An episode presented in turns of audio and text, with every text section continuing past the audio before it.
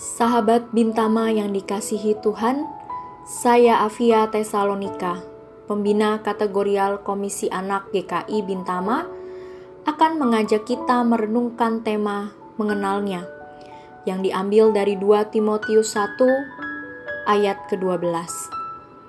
Itulah sebabnya aku menderita semuanya ini, tetapi aku tidak malu, karena aku tahu kepada siapa aku percaya dan aku yakin bahwa Dia berkuasa memeliharakan apa yang telah dipercayakannya kepadaku hingga pada hari Tuhan.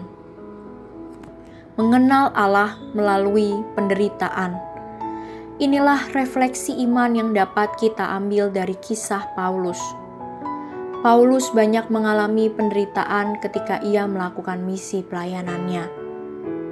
Namun, iman Paulus tak pernah goyah Sebaliknya, bagi Paulus, tantangan dan hambatan, bahkan penderitaan, bukan menjadi persoalan.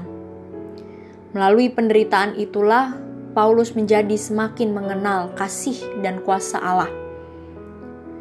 Ia percaya bahwa bersama Allah hidupnya akan selamat, hidupnya akan terpelihara dengan baik karena tidak ada sesuatu yang dapat memisahkan dirinya dari kasih Allah di dalam Kristus.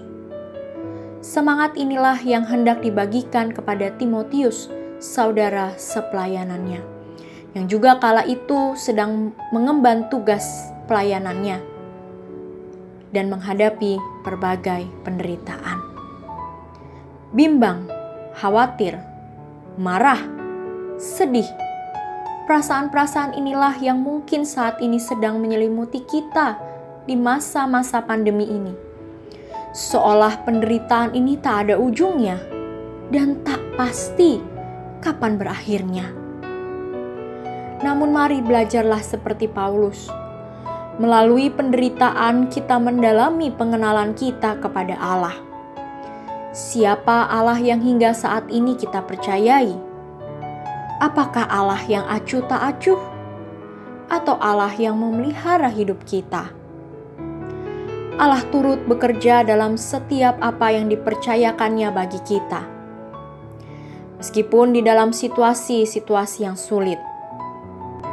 Lihatlah bagaimana Allah menguatkan, mencukupkan, memeluk kita dalam balutan kasih dan kuasanya melalui orang-orang yang ada di sekitar kita. Percayalah, tak sedetik pun Allah meninggalkan kita. Demikianlah renungan hari ini. Kiranya Tuhan memberkati karya kita.